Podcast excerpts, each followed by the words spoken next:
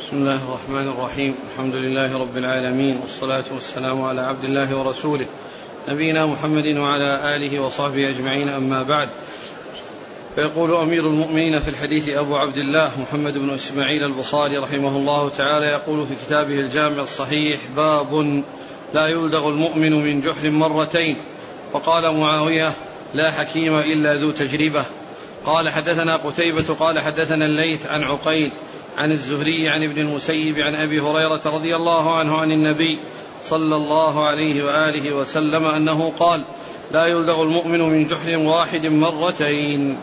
بسم الله الرحمن الرحيم الحمد لله رب العالمين وصلى الله وسلم وبارك على عبده ورسوله نبينا محمد وعلى آله وأصحابه أجمعين. أما بعد يقول الإمام البخاري رحمه الله باب لا يلدغ المؤمن من جحر مرتين.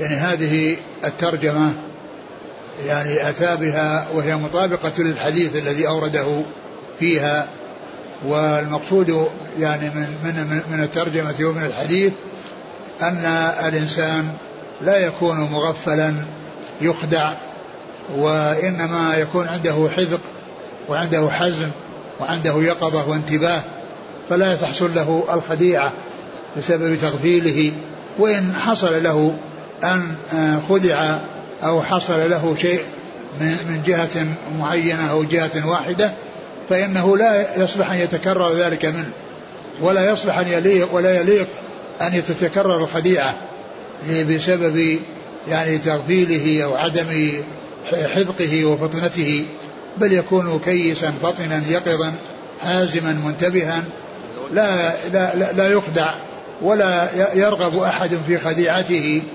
وإن حصل له أنه آه، انخدع مع أحد فلا يصلح أن يليق فلا, فلا يليق به أن يتكرر ذلك منه وإنما يكفيه أنه تنبه للخديعة التي حصلت من الأول فلا فلا يليق أن تتكرر فلا يليق أن أن تتكرر.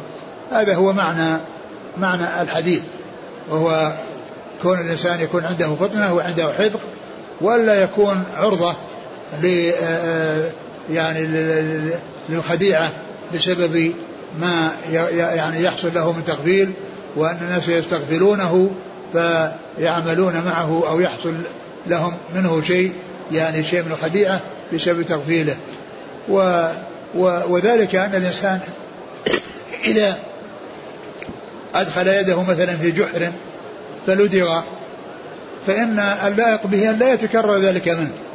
ما دام أنه حصل له يعني هذا الضرر في جهة معينة فالحذق والفطنة ألا يتكرر وألا يعني يقدم يقدم على ذلك. لأنه أحس وحصل له الضرر بالمرة الأولى ووقعت له الضرر المرة الأولى فلا يليق به أن يتكرر ذلك منه. هذا هو معنى الحديث. نعم. وقال معاوية لا حكيم وقال معاوية لا حكيم إلا ذو تجربة.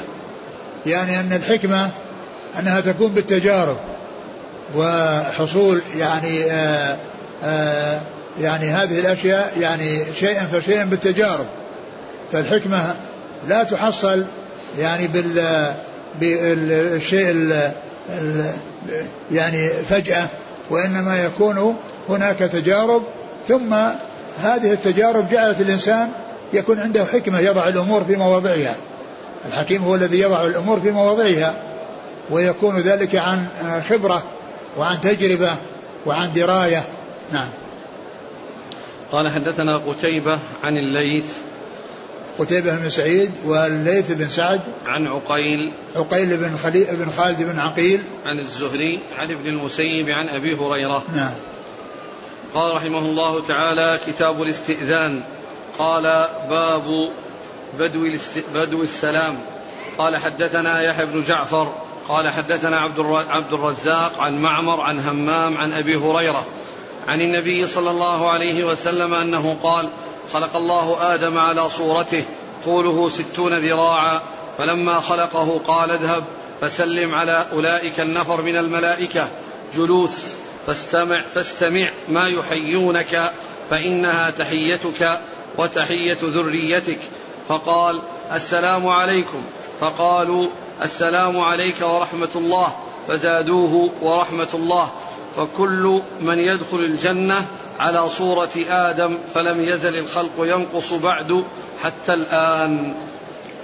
ثم ذكر أحاديث في الاستئذان ثم ذكر هذا الحديث في أول الاستئذان. في كتاب الاستئذان وهو بدء السلام. وذلك أن آدم هو أول المخلوقات أول أول البشر هو بل هو أبو البشر. خلقه الله عز وجل من تراب وخلق يعني زوجته من من ضلعه وخلق يعني ال ال ال منهما يعني الذكور والإناث. ف وقد جاء ذلك في سورة في أول سورة النساء. خلق من نفس واحدة منها زوجها وبث منهما رجالا كثيرا ونساء. هذه ثلاثة يعني في خلق الإنس. والصنف الرابع والقسم الرابع يعني آه، آه، ذكر آه، ذكر من من أنثى يعني من أنثى بلا بلا أب وهو عيسى عليه الصلاة والسلام. إذا القسمة رباعية وهي أن آدم خلق ليس من أب ولا أم وآدم وحواء خلقت من رجل وأبناؤهما خلقوا منهما وعيسى خلق من أم بلا أب. فهذه القسمة الرباعية التي حصل بها الخلق وتم بها أصناف المخلوقات من الإنس. آآ آه، آآ آه، الله تعالى يعني لما خلق آدم خلقه على صورته. وصورته يختلف في الضمير يرجع إلى من؟ فالمشهور عند أهل السنة أنه يرجع إلى الله. وأن الله تعالى خلقه على صورته أي على صفته متصفا بالسمع والبصر والكلام.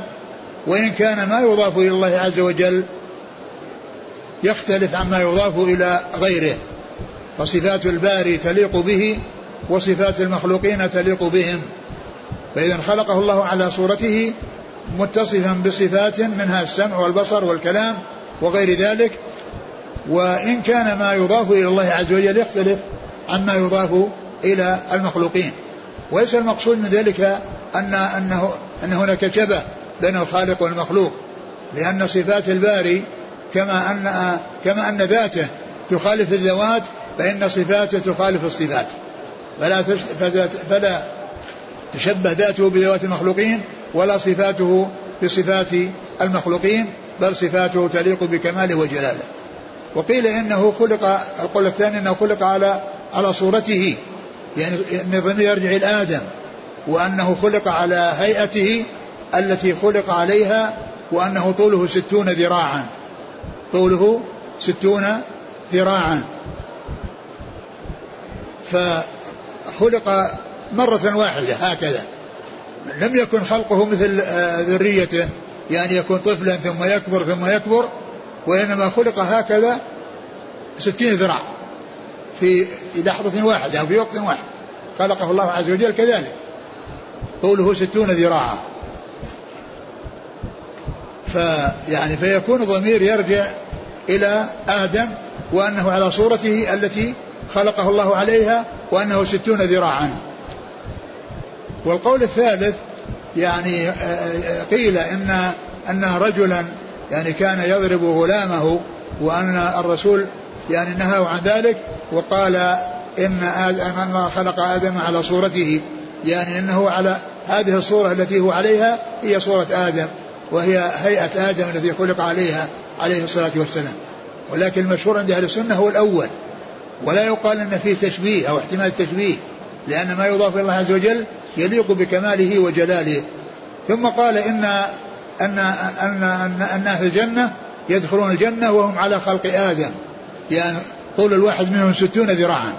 يدخلونها وطول الواحد منهم ستون ذراعا على الهيئة أو الصفة التي خلق عليها آدم وأنه ستون ذراعا. فيكون دخولهم الجنة ويكون في الجنة وهذا هو طولهم. وهذا هو طولهم. أما بالنسبة للعرض فلم يثبت فيه شيء. لم يثبت فيه شيء وإنما ثبت في الطول وأنهم يدخلوا الجنة وطول الواحد منهم آه، ستون ذراعا كما يعني ثبت كما جاء في الحديث. ثم لم يزل الخلق ينقص. يعني من من حين خلق آدم صار الخلق في نقصان. يعني ما هو ما هو ليس الأمر ان ان ان ان, أن اناسا بعد آدم يعني يكونون كالهيئة التي عليها آدم بل ينقصون شيئا فشيئا.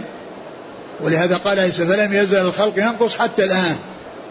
يعني معناه في تناقص من زمنه إلى زمن الرسول صلى الله عليه وسلم الذي قال فيه حتى الآن يعني أنه يصير فيه تناقص. هذا الحديث. قال ثم ثم محل الشاهد من هذا أنه لما خلقه قال اذهب إلى يعني جماعة من الملائكة جلوس فسلم عليهم وانظر ماذا يردون عليك فإنها تحيتك وتحية أمتك. فذهب إليهم وقال السلام عليكم فقالوا السلام عليك ورحمة الله. فزادوه ورحمة الله. وقد جاء يعني في, في, في, في السنة إضافة جملة أو كلمة في السلام وهي السلام عليكم ورحمة الله وبركاته. وهذا هو نهاية السلام وكمال السلام. يعني وأن كل واحدة يكون فيها فيها عشر درجات. يعني فتكون يعني آه، عشرا ثم عشرا ثم عشرا فيكون يعني الحسنة بعشر أمثالها فتكون ثلاثون وهذا هو آخر آه، آه، التحية الإسلامية. فلا يضاف إليها شيء. فلا يقال ومغفرته ورحمة ومغفرته ويعني ومرضاته وغير ذلك من العبارات التي يضيفها بعض بعض الناس. فإن هذه لم تثبت لم يثبت فيها شيء عن رسول الله صلى الله عليه وسلم وإنما السلام هو هذه الكلمات الثلاث السلام عليكم ورحمة الله وبركاته. ولهذا جاء في التشهد السلام عليك أيها النبي ورحمة الله وبركاته. السلام عليك أيها النبي ورحمة الله وبركاته. وجاء في السنة أيضا ذكر السلام بهذه الصيغة الكاملة التي فيها ذكر الدعاء بالسلامة والرحمة والبركة. وفي هذا دليل على أن الملائكة مخلوقين قبل الإنس. يعني الملائكة خلقوا قبل الإنس. لأنه لما خلقه وأوجده قال انظر إلى إلى جماعة من الملائكة جلوس. فدل هذا على أنهم أن خلق الملائكة متقدم على خلق الإنس وكذلك الجن متقدم على خلق الإنس. كما قال الله عز وجل ولقد خلق الإنسان من صلصال من حماسون والجان خلقناه من قبل من نار السموم. فإذا خلق الإنس متأخر عن خلق الجن والملائكة وتأخر دليل تأخرهم عن خلق عن خلقهم عن خلق الجن الآية الكريمة في سورة الحجر ودليل تأخرهم أي خلقهم عن الملائكة هذا الحديث الذي لما خلقه على هيئته قال اذهب إلى نفر من الجماعة الملائكة جلوس فسلم عليهم. نعم. قال خلق الله آدم على صورته طوله ستون ذراعا. نعم. فلما خلقه قال اذهب فسلم على أولئك النفر من الملائكة جلوس. فاستمع ما يحيونك فإنها تحيتك وتحية ذريتك. فقال السلام عليكم. فقالوا السلام عليك ورحمة الله. فزادوه ورحمة الله. فكل من يدخل الجنة على صورة آدم فلم يزل الخلق ينقص بعد حتى الآن. الرد بهذه الصيغة. الرد رد السلام بهذه الصيغة. وقال السلام عليكم. نعم. فقالوا السلام عليك ورحمة الله. هذا هذا يعني هذا مو الرد هذا. هذا قال يعني الكيفية التي يسلم بها لأنه ما قال ما قالوا عليك السلام قال السلام عليك فإذا تحيته أنه يقول السلام عليكم ورحمة الله. نعم. يعلمونه التحية أي نعم. كيف يحييه. أي نعم. كيف يحيي؟ يقول السلام عليكم ورحمة الله. يعني هم ردهم على صفة التحية. نعم. قال حدثنا يحيى بن جعفر نعم. عن عبد الرزاق ابن همام الصنعاني عن معمر ابن راشد عن همام ابن منبه. عن أبي هريرة. نعم.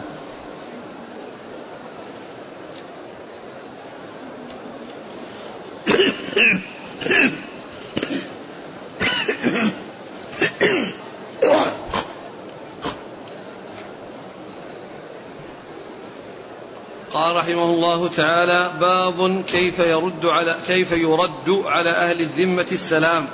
قال حدثنا أبو اليمان قال أخبرنا شعيب عن الزهري قال أخبرني عروة أن عائشة رضي الله عنها قالت دخل رهط من اليهود على رسول الله صلى الله عليه وسلم فقالوا السام عليك. ففهمتها فقلت عليكم السام واللعنة. فقال رسول الله صلى الله عليه وسلم مهلا يا عائشة. فإن الله يحب الرفق في الأمر كله. فقلت يا رسول الله أولم تسمع ما قالوا؟ قال رسول الله صلى الله عليه وسلم فقد قلت وعليكم. ثم ذكر كيف كيف يرد؟ كيف يرد على أهل الذمة السلام؟ كيف يرد على أهل الذمة السلام؟ يعني إذا سلموا كيف يرد عليهم؟ يعني يرد عليهم بمثل ما قالوا بأن نقول وعليكم. يقول وعليكم أو عليكم لأنه جاء في بعض الروايات عليكم وفي بعضها وعليكم. وبدون الواو أظهر لأن الواو تقتضي أو يفهم منها قد يفهم منها التشريك. يعني لأن حصل اشتراك يعني في الشيء الذي قالوه. وإنما إذا قال عليكم يعني هذا الذي قلتوه يعني هو عليكم وحدكم. هذا الذي قلتوه يعني من من ذكر السام بدل السلام لأنه دعاء عليه بدل ما يكون دعاء له فقال يعني عليكم أو عليكم جاء هذا وجاء هذا. وقد تكون آه، يعني عليكم بدون الواو يعني أوضح من ناحية أنه لا تشريك يعني بين المسلم والمسلم عليه بأن قال عليكم يعني سلامكم عليكم أو السام الذي ذكرتموه عليكم السام هو الموت. فلما قالوا ما قالوا وكانوا يعني يريدون سوءا ودعاء عليه لا دعاء له عليه الصلاة والسلام. قالت عائشة وعليك عليكم السام واللعنة. يعني لأنها يعني نصت على كلامهم وهو السام بأنه عليكم وعليكم اللعنة. يعني اللعنة الطرد والإبعاد عن رحمة الله عز وجل. فالرسول عليه السلام يعني أشار إلي إليها بأن بأن بأن بأن يكون عندها رفق وأن لا قال قال مهلا يا عائشة فإن الله يحب, يحب الرفق. يعني في الأمر كله. ف فكأنها فهمت أنه لم يسمع الكلمة التي قالوها. فقال أو ما علمت أني قلت عليكم أو عليكم؟ يعني هذا الذي قلتموه عليكم. أعد الحديث. قالت دخل رهط من اليهود على رسول الله صلى الله عليه وسلم فقالوا السام عليك. ففهمتها فقلت عليكم السام واللعنة. فقال رسول الله صلى الله عليه وسلم مهلا يا عائشة فإن الله يحب الرفق في الأمر كله. فقلت يا رسول الله أولم تسمع ما قالوا؟ قال رسول الله صلى الله عليه وسلم فقد قلت وعليكم. قال حدثنا أبو اليمان الحكم بن نافع عن شعيب بن أبي حمزة عن الزهري عن عروة عن عائشة. نعم. قال حدثنا عبد الله بن يوسف قال أخبرنا مالك عن عبد الله بن دينار عن عبد الله بن عمر رضي الله عنهما أن رسول الله صلى الله عليه وسلم قال إذا سلم عليكم اليهود فإنما يقول أحدهم السام عليك فقل وعليك. ثم ذكر هذا الحديث بمعنى الذي قبله. بمعنى الذي قبله وأن هذا كأنه ديدن اليهود ومنهج اليهود وطريقة اليهود أنهم يسلمون بهذه الكيفية ويعني فبين أنهم يجابون بالشيء الذي يناسبهم وأن هذا الذي قالوه إنما يكون عليهم أنه يكون عليهم فهو مثل الذي قبله. نعم. قال حدثنا عبد الله بن يوسف. التنيسي. عن مالك عن عبد الله بن دينار عن عبد الله بن عمر.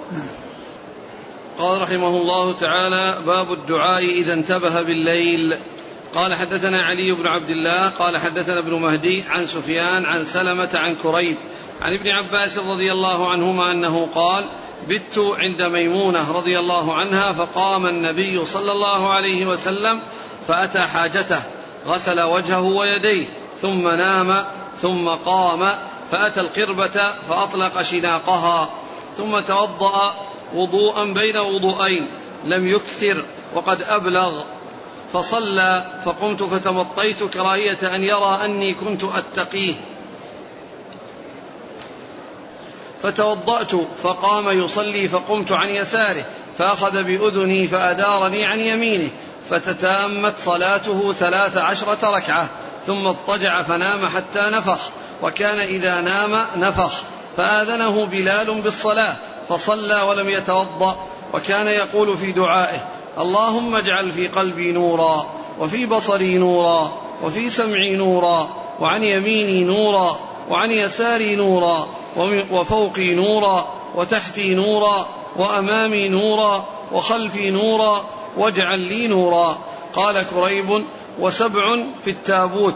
فلقيت رجلا من ولد العباس فحدثني بهن فذكر عصبي ولحمي ودمي وشعري وشعري وبشري وذكر خصلتين. أعد أعد الحديث. متن عن ابن عباس قال بت عند ميمونة. فقام النبي صلى الله عليه وسلم فأتى حاجته غسل وجهه ويديه ثم نام ثم قام فأتى القربة. فأطلق شناقها ثم توضأ وضوءا بين وضوءين لم يكثر وقد أبلغ فصلى فقمت فتمطيت كراهية أن يرى أني كنت أتقيه. فتوضأت فقام يصلي فقمت عن يساره فأخذ بأذني فأدارني عن يمينه فتتامت صلاته ثلاث عشرة ركعة ثم اضطجع فنام حتى نفخ وكان إذا نام نفخ فآذنه بلال بالصلاة. فصلى ولم يتوضأ وكان يقول في دعائه اللهم اجعل في قلبي نورا وفي بصري نورا وفي سمعي نورا وعن يميني نورا وعن يساري نورا وفوقي نورا وتحتي نورا وأمامي نورا وخلفي نورا واجعل لي نورا قال كريب وسبع في التابوت. فلقيت رجلا من ولد العباس فحدثني بهن فذكر عصبي ولحمي ودمي وشعري وبشري وذكر خصلتين. ثم ذكر يعني هذا هذه ترجمة من كتاب الدعوات وهي باب الدعاء إذا انتبه بالليل. إذا الدعاء إذا انتبه من الليل. إذا الدعاء الدعاء إذا انتبه من الليل. إذا يعني إذا قام إذا قام من الليل. وذكر هذا الحديث آه الذي ذكره البخاري في مواضع عديدة في الصلاة وفي غيرها آه وهو الذي يبين كيفية صلاته صلى الله عليه وسلم صلاة الليل. وابن عباس رضي الله تعالى عنهما بات ليلة عند عند خالته ميمونة في بيتها ويريد أن يعرف كيفية صلاة الرسول صلى الله عليه وسلم في الليل. فنام الرسول صلى الله عليه وسلم ونام ابن عباس يعني ونامت ميمونة ونام معهما في حجرتهما. وابن عباس كان جاء من أجل أن يرقب وأن يعرف الكيفية التي كان يفعلها الرسول عليه الصلاة والسلام يعني في, في, في, في ليلته. فيعني نام والرسول عليه الصلاة والسلام قام فغسل وجهه ويديه ورجع ونام ثم إنه قام وتوضأ وضوءا خفيفا أبلغ فيه.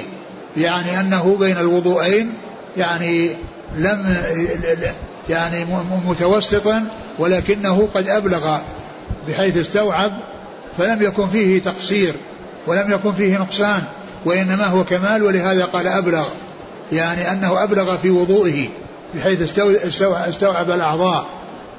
ف آه ثم إن ابن ثم قام يصلي. ثم إن ابن عباس قام وأظهر عند قيامه أنه كأنه نائم ويظهر أثر النوم عليه يعني في آه، هيئته و ف وكان يعني خشي أن آه، آه، أن أن أن يكون أنه يرقبه يعني يتقيه يعني يرقبه يعني يريد أنه يرقبه وإنما كان نائما. يا أظهر أنه نائم مع أنه كان غير نائم. ولكنه يرقب الرسول صلى الله عليه وسلم ويريد أن يعرف كيف يصلي. فقام وتوضأ كما توضأ الرسول صلى الله عليه وسلم وقام على يساره. ف يعني حوله إلى إلى يمينه من ورائه. حوله من ورائه يعني إلى جهة اليمين. فدل هذا على أن الشخص الواحد إذا صلى مع الإمام أو إذا صلى مأموما مع إمام فإنه لا يصف عن يساره ولا يصف وراءه وإنما يصف بجواره من جهة اليمين. يصف بجواره من جهة اليمين. ثم إنه صلى يعني ركعتين ركعتين حتى أكمل ثلاثة عشرة ركعة. يعني ركعتين ركعتين ثم أوتر بواحدة. ركعتين ركعتين ثم أوتر بواحدة. وهذا أكثر ما ثبت عن رسول الله عليه الصلاة والسلام. والروايات التي جاءت أنه ما كان يزيد في رمضان ولا غيره على 11 ركعة. على 11 11 ركعة. وهذا الذي جاء عنه هنا 13 ركعة. فقيل في ذلك أن أن المقصود باثنتين آه أنها يعني ركعتين خفيفتين كان يبدأ بها النبي عليه الصلاة والسلام وقيل يعني غير ذلك. ولكن هذا أكثر ما روي عن رسول الله صلى الله عليه وسلم. وأقل ما جاء عنه سبع. أقل ما جاء عنه سبع وأكثر ما جاء عنه ثلاثة عشر ركعة والمشهور والغالب على فعله إحدى عشرة ركعة. يصلي ركعتين ركعتين ركعتين ويوتر ويوتر بركعة. صلوات الله وسلامه وبركاته عليه. ثم إنه بعد بعد ذلك نام. حتى وكان حتى نفخ يعني يظهر له صوت يعني في النوم. وكان إذا نام يحصل منه النفخ ثم جاءه آه، بلال وآذنه بالصلاة ثم خرج وصلى بالناس ولم يتوضأ لأنه تنام عيناه ولا ينام قلبه عليه الصلاة والسلام فلا يحصل منه يعني نقض الوضوء. كما قال إنها تنام عيناي ولا, ولا ينام قلبي. وقد نام حتى نفخ عليه الصلاة والسلام وقام ولم يتوضأ وصلى بالناس. صلوات الله وسلامه وبركاته عليه. وكان من دعائه يعني عند يعني خروجه يعني الصلاة يعني هذا الدعاء الذي فيه اللهم اجعل في قلبي نورا وفي سمعي نورا وبصري نورا. وذكر يعني آه، ثمان جمل يعني ثمان جمل. وجاء في في في صحيح مسلم أكثر ما ورد 12 جملة. وجعلني في كذا في نورا وفي نورا. يعني 12 جملة وهذا أقصى ما جاء عنه يعني في هذا الحديث. الذي فيه الدعاء عند الذهاب إلى الصلاة. ثم قال وسبعا في التابوت يعني سبع جمل أو سبع يعني دعوات في التابوت. وقيل المقصود بالتابوت هو القلب والصدر أنها في صدره. ثم سأل يعني عن قال سألت واحدا. لقيت رجلا من ولد العباس نعم. فحدثني بهن فذكر عصبي ولحمي ودمي وشعري وبشري. نعم. وذكر خصلتين. وذكر خصلتين يعني لم يذكرهما وإنما ذكر هذه الأشياء يعني يعني هذه الخمسة والسبع يعني أنها في صدره. نعم. وجه الشاهد الآن الدعاء الباب الدعاء إذا انتبه بالليل. يعني هذا يعني هذا الحديث يعني الذي فيه انتباه من الليل جاء فيه في نفس حديث ابن عباس يعني جاء غير يعني هذا اللفظ ليس فيه ذكر ما يتعلق من الانتباه لأنه جاء في بعض الروايات أنه كان يقرأ يعني الآيات من من آخر سورة آل عمران ويعني ويدعو ولكنها الذي ورد في الحديث ليس يعني إذا انتبه من, من, من الليل ولكن هذا الذي حصل هو بعد نومه الذي أورد هنا بعد نومه بعد بعد صلاة الليل وحصول الأذان وإذان بلال له وإنما الذي هذا جاء في بعض الروايات الأخرى.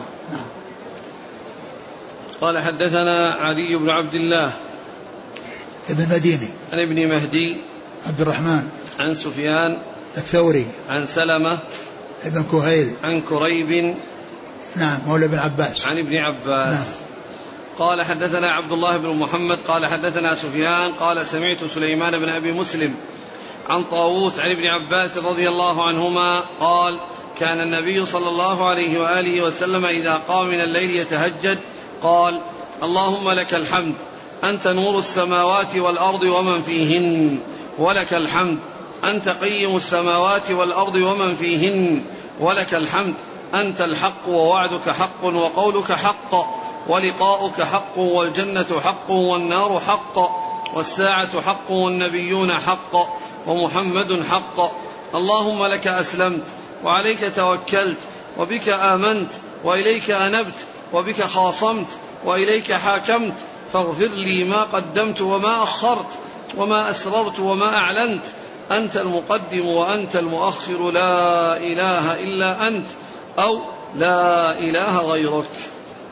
ثم ذكر هذا الحديث المتعلق بما يفتتح به صلاة الليل. هذا دعاء الاستفتاح لصلاة الليل. هذا الدعاء الطويل الذي كله تمجيد لله وثناء عليه واعتراف بألوهيته وكذلك في أمور أخرى من أمور العقيدة. يعني يعني وهي الأنبياء والجنة والنار وغير ذلك فيعني هذا هذا دعاء الاستفتاح لصلاة الليل الذي كان يفعله رسول الله عليه عليه, عليه الصلاة والسلام. وقد مر الحديث يعني هناك فيما يتعلق بصلاة الليل وأن هذا هو ما يستفتح به الصلاة عليه عليه الصلاة والسلام وهو في الباب السابق. نعم. نفس الترجمة؟ نعم. نعم؟ نعم. نعم. فهذا فيه يعني الدعاء ليس عند الانتباه وإنما عندما يعني يقوم للصلاة يدعو بهذا الدعاء فهو شيء بعد الانتباه وليس عند الانتباه مباشرة. نعم. قال حدثنا عبد الله بن محمد المسندي. عن سفيان بن عيينة. عن سليمان بن أبي مسلم نعم. عن طاووس بن كيسان. عن ابن عباس. نعم.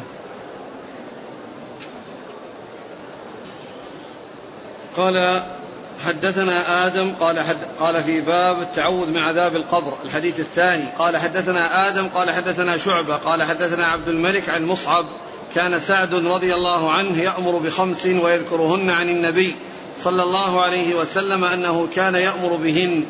اللهم إني أعوذ بك من البخل وأعوذ بك من الجبن وأعوذ بك أن أرد إلى أرذل العمر وأعوذ بك من فتنة الدنيا يعني فتنة الدجال. وأعوذ بك من عذاب القبر. باب؟ التعوذ من عذاب القبر. باب التعوذ من عذاب القبر. ويعني عذاب القبر حق وقد جاءت فيه الأحاديث الكثيرة الدالة على ثبوته وأنه حق وأن الناس يعذبون في قبورهم إذا كانوا يستحقون العذاب وأن العذاب يأتيهم من, من النار. ويفتح حيث جاء في الحديث أنه يفتح الأبواب إلى النار فيأتيه من حرها وسمومها. وكذلك نعيم القبر أيضا ثابت وأنه يفتح لصاحبه المستحق للنعيم باب إلى الجنة فيأتيه من روحها ونعيمها كما ثبت ذلك السنة عن رسول الله عليه الصلاة والسلام. والأحاديث في ذلك متواترة متواترة في في عذاب القبر. وقد جاء في القرآن قول الله عز وجل النار يعرضون عليها غدوا وعشيا. ويوم تقوم الساعة أدخلوا آل فرعون أشد العذاب. فعذاب القبر موجود في القرآن في قصة آل فرعون. حيث قال النار يعرضون عليها غدوا وعشيا. ثم قال ويوم تقوم الساعة يعني حيث يقومون من قبورهم فإنهم ينتقلون من عذاب شديد إلى عذاب أشد. ويوم تقوم الساعة يقال لها يقال أدخل آل فرعون أشد العذاب. يعني أنهم ينتقلون من عذاب شديد إلى عذاب أشد.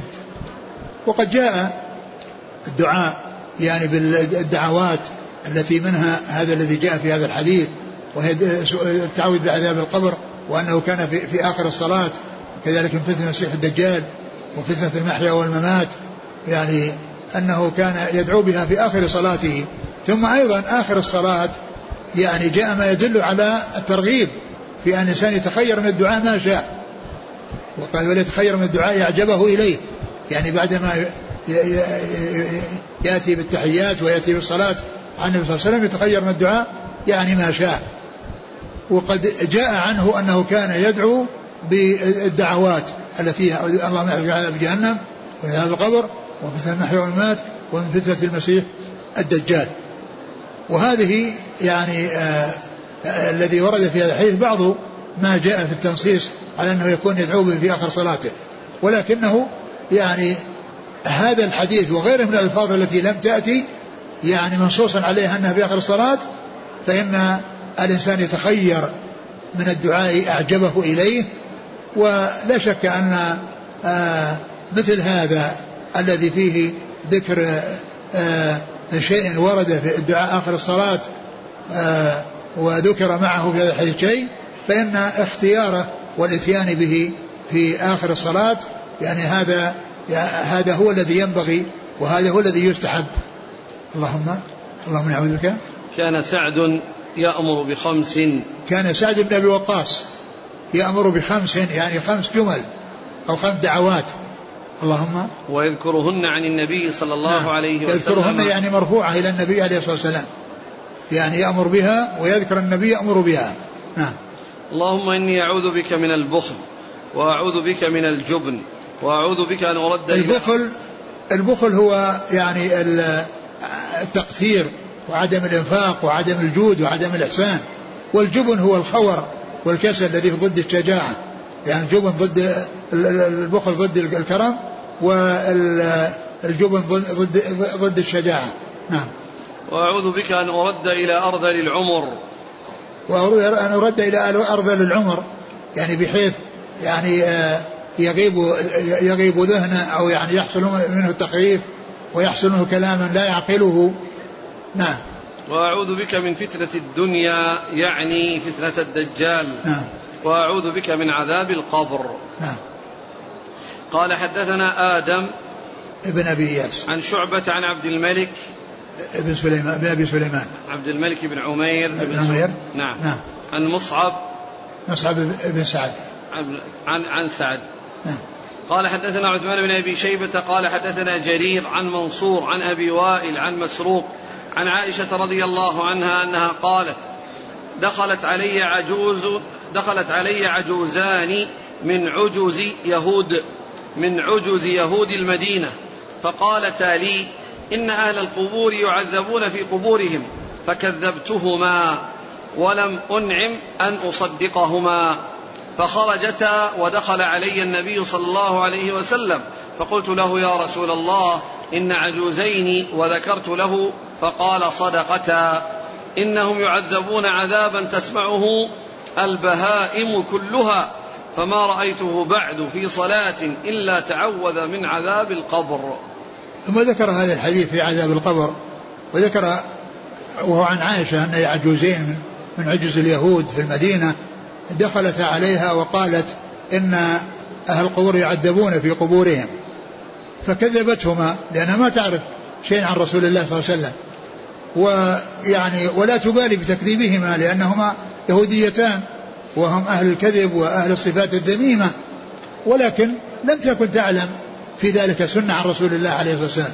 فأخبرها رسول الله بأنه بأن ذلك حق وأنهما قد صدقتا وأن وأنهم يعذبون في قبورهم آه، يعني يعني عذابا لو سمعته.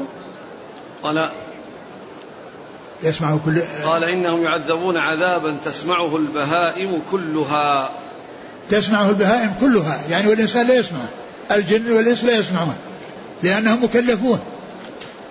ولو يعني ظهر ذلك لهم لما يعني حصلت الحكمة في تكليفهم لأنهم يعني يموتون من الهلع ومن الجزع ومن الضعف. ولهذا جاء في الحديث الصحيح أن النبي عليه الصلاة والسلام قال لولا أن لا تدافنوا لدعوت الله أن يسمعكم من عذاب القبر ما أسمع. لولا أن لا تدافنوا يعني معناه أنه يصيبهم ضعف بحيث كلهم يمسكون الأرض بسبب الضعف الذي أصابهم لشدة يعني ما يرون أو ما يسمعون من, من, من, من, من العذاب أو من, من أصوات المعذبين. فلولا ألا تدافنوا والحديث في صحيح مسلم لولا ألا تدافنوا لدعوت الله أن يسمعكم من عذاب القبر ما أسمع. ولما كانت البهائم غير مكلفة أسمعها الله عز وجل. هذه البهائم لما كانت غير مكلفة أسمعها الله عز وجل هذا الذي يجري. وحجب ذلك عن عن الجن والإنس. اللي هم مكلفون. وأطلع عليه يعني البهائم التي هي غير مكلفة التي هي غير مكلفة. فالرسول صلى الله عليه وسلم يعني صدقهما وهذا من العلم الذي جاء في في في, في كتبهم وأن هذا شيء صحيح. طبعا هذا أخذوه من كتبهم ومن ما جاءت به رسلهم. والرسول صلى الله عليه وسلم أقر ذلك. ومعنى ذلك أن هذا عندهم من علم الرسالة وهو, وهو صحيح. ليس من الأشياء التي أحدثوها أو الأشياء التي بدلوها وإنما هو شيء تلقوه عن الرسالة فصدقهما رسول الله عليه الصلاة والسلام وعائشة ما كانت تعلم قبل ذلك يعني ما يتعلق بعذاب القبر فأخبرها عليه الصلاة والسلام بأنهما صدقتا وأنها وأن أصحاب القبور يعذبون وأنه يعني أن البهائم أنها كلها تسمع يعني ما يحصل من العذاب في في في القبور. نعم. قال حدثنا عثمان بن أبي شيبة. نعم عثمان بن أبي شيبة نعم نعم. عن جرير. جرير بن حازم جرير بن عبد الحميد. عن منصور منصور بن معتمر عن أبي وائل وهو شقيق بن سلمة عن مسروق مسروق بن أجدع. عن عائشة. نعم. قال رحمه الله تعالى باب فضل التهليل. الحديث الثاني قال حدثنا عبد الله بن محمد قال حدثنا عبد الملك بن عمرو قال حدثنا عمر بن أبي زائدة عن أبي إسحاق عن عمرو بن ميمون قال من قال عشرا كان كمن أعتق رقبة من ولد إسماعيل.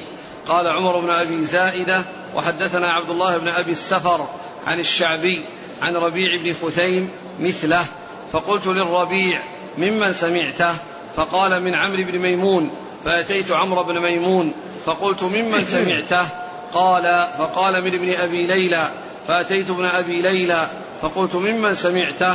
فقال من أبي أيوب الأنصاري رضي الله عنه يحدثه عن النبي صلى الله عليه وآله وسلم وقال إبراهيم بن يوسف عن أبيه عن أبي إسحاق قال حدثني عمرو بن ميمون عن عبد الرحمن بن أبي ليلى عن أبي أيوب قوله عن النبي صلى الله عليه وسلم وقال موسى حدثنا وهيب عن داود عن عامر عن عبد الرحمن بن أبي ليلى عن أبي أيوب عن النبي صلى الله عليه وسلم وقال إسماعيل عن الشعبي عن الربيع قوله وقال آدم حدثنا شعبة قال حدثنا عبد الملك بن ميسرة قال سمعت هلال بن يساف عن الربيع بن خثيم وعمرو بن ميمون عن ابن مسعود رضي الله عنه قوله وقال الأعمش وحصين عن هلال عن الربيع عن عبد الله قوله ورواه أبو محمد الحضرمي عن أبي أيوب عن النبي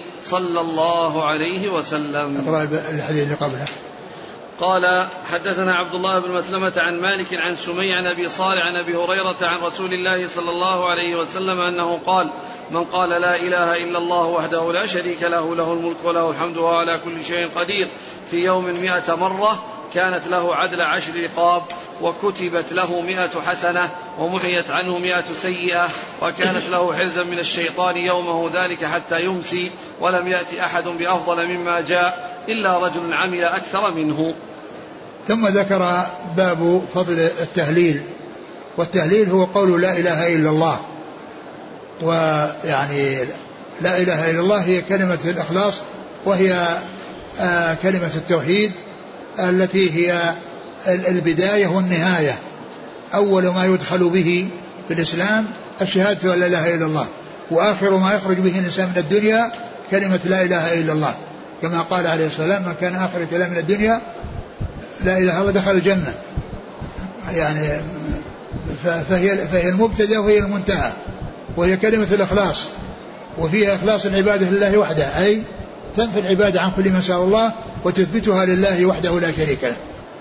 ثم ذكر هذا الحديث عن عن, عن أبي هريرة في فضل التهليل وأن من قال آه، آآ آه، في آه، في يوم لا إله إلا الله وحده لا شريك له له الملك وله الحمد وهو على كل شيء قدير مئة مرة كان كعدل عتق عشر.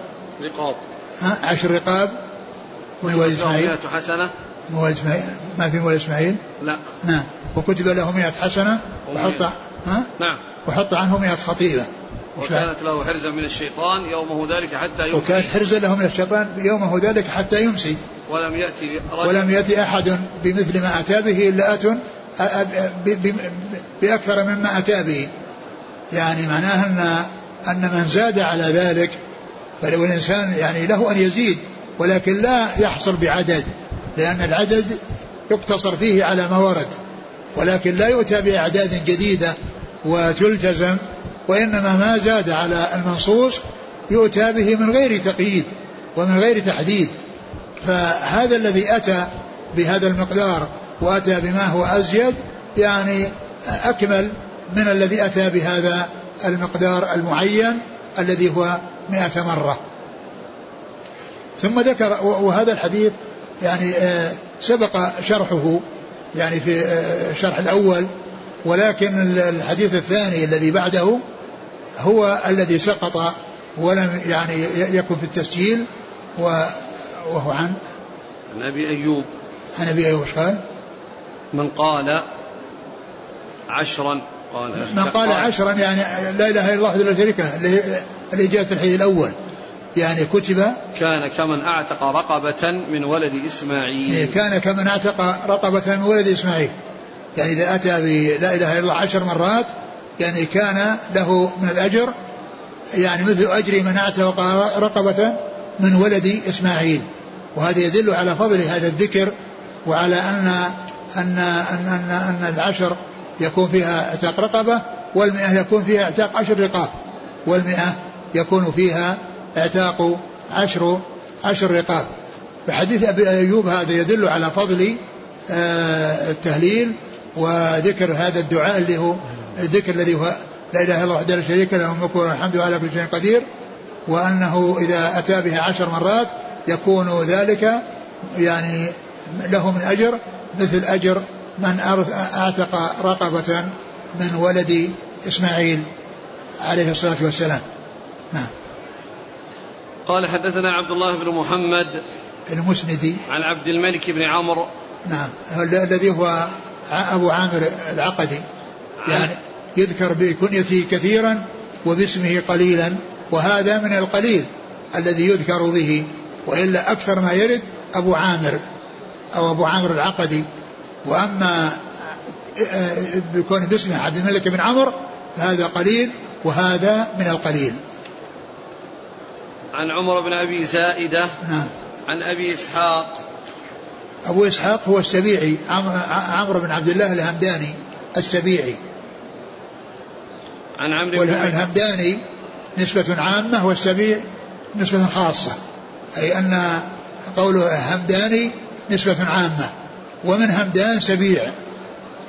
يعني فيكون يعني ذكر يعني كثيرا ما يذكر بالنسبة الخاصة التي هي السبيعي. نعم. عن عمرو بن ميمون.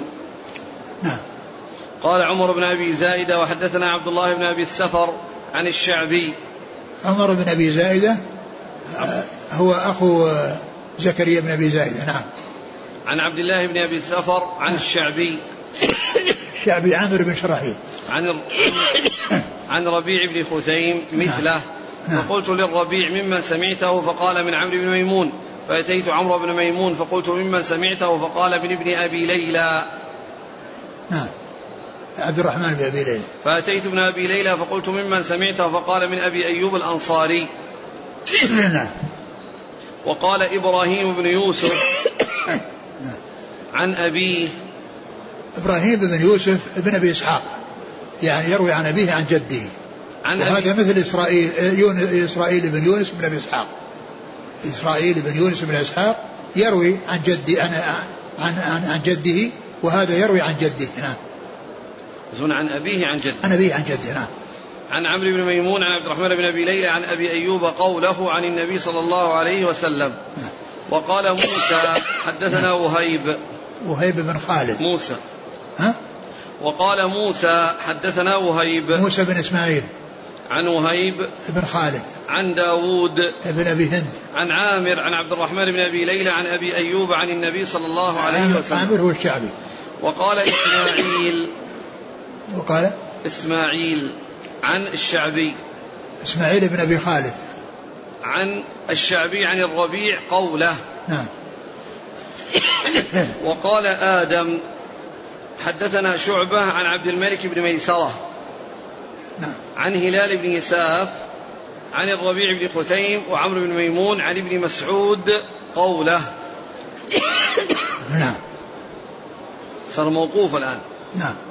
وقال الأعمش وحصين لكن معلوم أن مثل هذا لا يقال من قبل الرأي. لأن هذا حتى لو كان موقوفا فهو مثل مرفوع لأنه لا يقال من قبل الرأي. ما يقال أن أن من فعل كذا فله كذا. إلا بوحي. نعم. وحصين بن عبد الرحمن السلمي. نعم نعم. عن هلال عن الربيع عن عبد الله قوله. نعم. ابن مسعود. نعم. ورواه أبو محمد الحضرمي عن أبي أيوب عن النبي صلى الله عليه وسلم. نعم. قال رحمه الله تعالى باب فضل التسبيح. قال حدثنا عبد الله بن مسلمة عن مالك عن سمي عن أبي صالح عن أبي هريرة رضي الله عنه أن رسول الله صلى الله عليه وسلم قال من قال سبحان الله وبحمده في يوم مئة مرة حطت خطاياه وإن كانت مثل زبد البحر. ثم قال باب فضل التسبيح. والتسبيح قول سبحان الله. وأورد في هذا الحديث عن النبي صلى الله عليه وسلم قال من قال سبحان الله مئة مرة في كل في في سبحان الله وبحمده. سبحان الله وبحمده. في يوم مئة مرة حطت خطاياه من قال سبحان الله وبحمده في يوم مئة مرة حطت خطاياه وإن كانت مثل زبد البحر يعني فهذا يدلنا على فضل هذا الذكر وعلى الإتيان بهذا المقدار وأن جزاءه أنها تحط خطاياه ولو كانت مثل زبد البحر يعني لكثرتها. وقد عرفنا مرارا وتكرارا أن الكبائر أن الصغائر أنها تحط بفعل الطاعات وأما الكبائر فإنه لا بد فيها من التوبة. وإذا الإنسان تاب وقال مثل هذا الكلام فإنها تحط جميع الخطايا. الكبائر تحطها التوبة ومن تاب تاب الله عليه. و آه، وإذا حصل يعني آه، منه أنه تاب وسبح الله فإنه يحصل هذا الأجر العظيم من الله عز وجل. الذي هو حط جميع الخطايا. قال حدثنا عبد الله بن مسلمة. نعم القعنبي عن مالك عن سمي. مولى أبي بكر عبد الرحمن بن حارث الهشام عن أبي صالح عن أبي هريرة. أبو صالح ذكوان السمان. قال حدثنا زهير بن حرب قال حدثنا ابن فضيل عن عمارة عن أبي زرعة عن أبي هريرة رضي الله عنه عن النبي صلى الله عليه وآله وسلم أنه قال كلمتان خفيفتان على اللسان ثقيلتان في الميزان حبيبتان إلى الرحمن سبحان الله وبحمده سبحان الله العظيم. سبحان العكس. سبحان الله العظيم سبحان الله وبحمده. نعم الحديث ورد في عدة طرق. وهذه الطريق قدم فيها سبحان الله العظيم على سبحان الله وبحمده. والموضع الأخير الذي ختم في البخاري صحيحة لأن هذا آخر حديث في صحيح البخاري. هذا آخر حديث في صحيح البخاري وأتى به بلفظ سبحان الله وبحمده سبحان الله العظيم. سبحان الله وبحمده سبحان الله العظيم. وهذا الحديث يعني جاء في عدة مواضع. هذا منها ومنها آخر آخر آخر موضع. و آه، آه، وقد ذكر يعني قبلهما أو قبل ذكرهما صفات لهاتين الكلمتين تشوق إليهما تجعل الإنسان يشتاق إلى معرفتهما. وهذا من كمال بيانه عليه الصلاة والسلام فإنه يبين أو يذكر عدد ويذكر صفات ذلك المعدود حتى يتهيأ الإنسان كان من كمال بيانه عليه الصلاة والسلام أنه عندما يذكر عددا أو شيئا معدودا ويذكر العدد في الأول يصف ذلك المعدود الذي سيأتي بصفات تشوق إليه وتجعل الإنسان السامع يتهيأ لمعرفته حتى لأهميته وأنه ذكر في هذه الأوصاف يجعله يتشوق إلى إليه بحيث يعني يحفظه ويستعد لحفظه ولا يضيع منه شيء. وهذا يحصل منه صلى الله عليه وسلم في أحاديث عديدة. مثل قوله ثلاث من كن فيه وجد بهن حلاوة الإيمان ثلاث من كن فيه وجد بهن حلاوة الإيمان ثم ذكرها. يعني معناه أنه يذكر العدد و ولا يذكر المعدود إلا بعد وصف يعني هذه الأشياء المعدودة بأنها كذا وكذا. وهنا وصف بثلاث قال كلمتان وهنا كلمتان. المقصود بالكلمة هنا الكلام. لأن الكلمة تطلق على الكلمة المفردة وتطلق على الكلام. وتطلق على الكلام. يعني الكلمة الواحدة سواء اسم أو فعل أو حرف قال لها كلمة. ولكن الكلام وقد وقد تطلق على الكلام. لأن قوله سبحان الله وبحمده سبحان الله العظيم هي أكثر من كلمة. و... و... هي أكثر من كلمة ولكن أطلق عليها. مثل ما يقال كلمة الإخلاص. أصدق كلمة قالها الشاعر كلمة لبيد. على كل شيء ما قال الله باطله يعني أشياء يعني تأتي مكونة من عدة كلمات ويقال لها كلمة. ومثل ما هو مشهور فلان ألقى كلمة أو عنده كلمة يعني المقصود به الكلام. وابن مالك يقول و وكلمة بها كلام قد يؤم. يعني الكلمة قد يراد بها الكلام. قد يؤم قد يقصد. كلامنا لفظ مفيد كاستقم واسم وفعل ثم حرف الكلم واحدة كلمة والقول عن وكلمة بها كلام قد يؤم. فقوله وكلمة بها كلام قد يؤم هذا من شواهده وهذا من أمثلته. أمثلة أن, أن الكلمة يراد بها الكلام. هنا كلمتان سبحان الله وبحمده سبحان الله العظيم. وهي أكثر من كلمة. كل واحدة منهما أكثر من كلمة. فإذا يعني هنا قوله كلمتان المقصود بذلك الكلام وليس الكلمة الواحدة. ثم ذكر الأوصاف حبيبتان الرحمن يعني هاتان الكلمتان حبيبتان الرحمن محبوبتان لله عز وجل. وهذا في صفة المحبة لله عز وجل. خفيفتان على اللسان ما فيه كلفة ومشقة ما في تعب وإنما هو شيء سهل على اللسان. كلمتان خفيفتان على اللسان.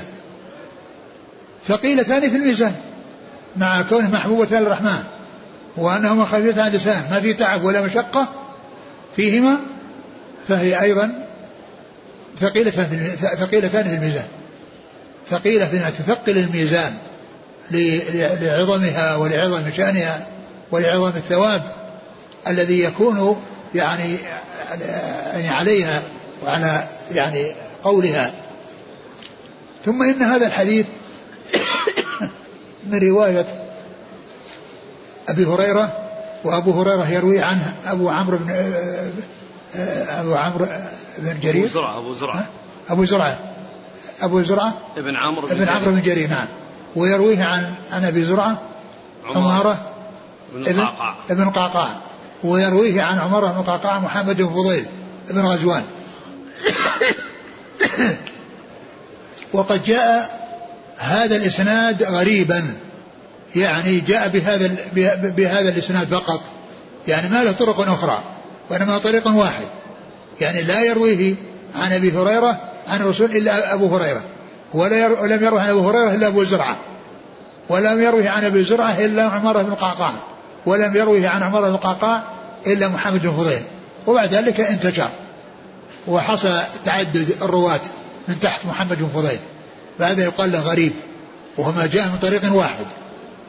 ما جاء من طريق واحد. ومثله أول حديث في صحيح البخاري. أول حديث في صحيح البخاري هو غريب أيضا. إنما الأعمال بالنيات وإنما لكل ما, روى ما نوى فهو رواه عمر ولم يروه عن عمر إلا علقمة وقاص الليثي ولم يروه عن علقمة وقاص الليثي إلا محمد إبراهيم التيمي ولم يروه عن محمد إبراهيم التيمي إلا محمد إلا يحيى بن سعيد الأنصاري ثم اتسع بعد سعيد يحيى بن سعيد ثم كثر الرواة عن يحيى بن سعيد. فهو من يحيى من, من فوق يحيى بن سعيد كل ما جاء إلا من طريق واحد. فختم البخاري رحمه الله بدأ كتابه بحديث غريب وختم كتابه بحديث غريب. ما جاء كل منهما إلا من طريق واحد وهما من غرائب الصحيح لأن الصحيح فيه غرائب وهي التي جاءت من طريق واحد لكنها لا تؤثر لأن هذا يعني اصطلاح أنه يقال غريب. وليس مثل ما يعني اشتهر عن بعض أهل العلم أنه إذا قال غريب أنه كلمة تضعيف مثل ما يأتي عند عند الترمذي فإنه إذا قال غريب يعني الإشارة إلى تضعيفه. لكن المقصود هنا كونه ما جاء إلا من طريق واحد وكلهم ثقات وكلهم يعني يعني آه من من رجال الصحيحين لأن الحديث الأول من رواه البخاري ومسلم والحديث الأخير هذا الذي هو آخر كتاب رواه مسلم فهما يعني حديثان غريبان يعني لم يرويا إلا من طريق واحد وهي من غرائب الصحيح أو هما من غرائب الصحيح كلمتان حبيبتان الرحمن خفيفتان على اللسان ثقيلتان في الميزان. سبحان الله وبحمده سبحان الله العظيم. والله تعالى أعلم وصلى الله وسلم قال حدثنا زهير بن حرب. نعم. زهير بن حرب زهير أبو خيثمة نعم. عن ابن فضيل. عن ابن فضيل محمد بن فضيل. عن عمارة ابن قعقاع. عن أبي زرعة وهو ابن عمرو ابن عمرو بن جرير. نعم. عن أبي هريرة. نعم.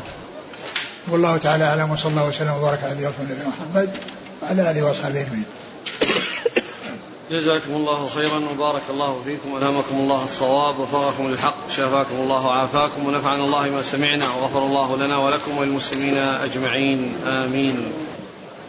يعني هذا الحديث الذي يعني ختم في البخاري صحيحه ختم بعض العلماء كتبهم فيه اقتداء بالبخاري.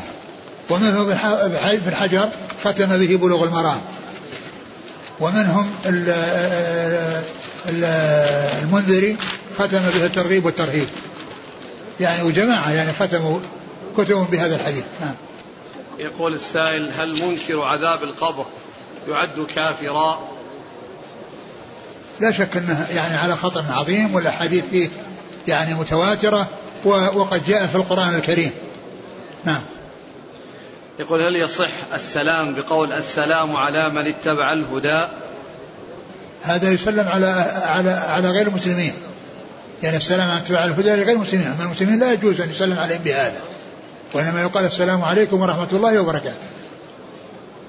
هل يجوز أن نرد على من سلم علينا مرحبا كما جاء عن النبي صلى الله عليه وسلم قال مرحبا بأم هانئ. آه آه قضية السلام إذا سلم تقول وعليكم يعني كما جاء في الحديث. و وأما ذكر الترحيب يعني بالكفار هو الذي جاء أنه بالمسلمين. ما أعرف يعني شيء يتعلق بحصوله يعني مع الكفار. نعم هل عدم بطلان الوضوء بالنوم من خصوصيات النبي صلى الله عليه وسلم؟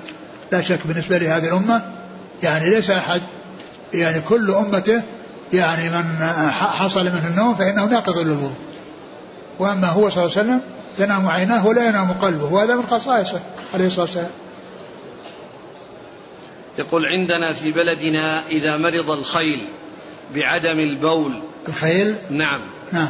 أخذها صاحبها إلى المقبرة ثم يطوف بها في المقبرة ثم تبدأ في التبول. هل هذا جائز؟ هذا ذكر عن بعض عن بعض العلماء أنهم كانوا إذا أصاب الخيل احتباس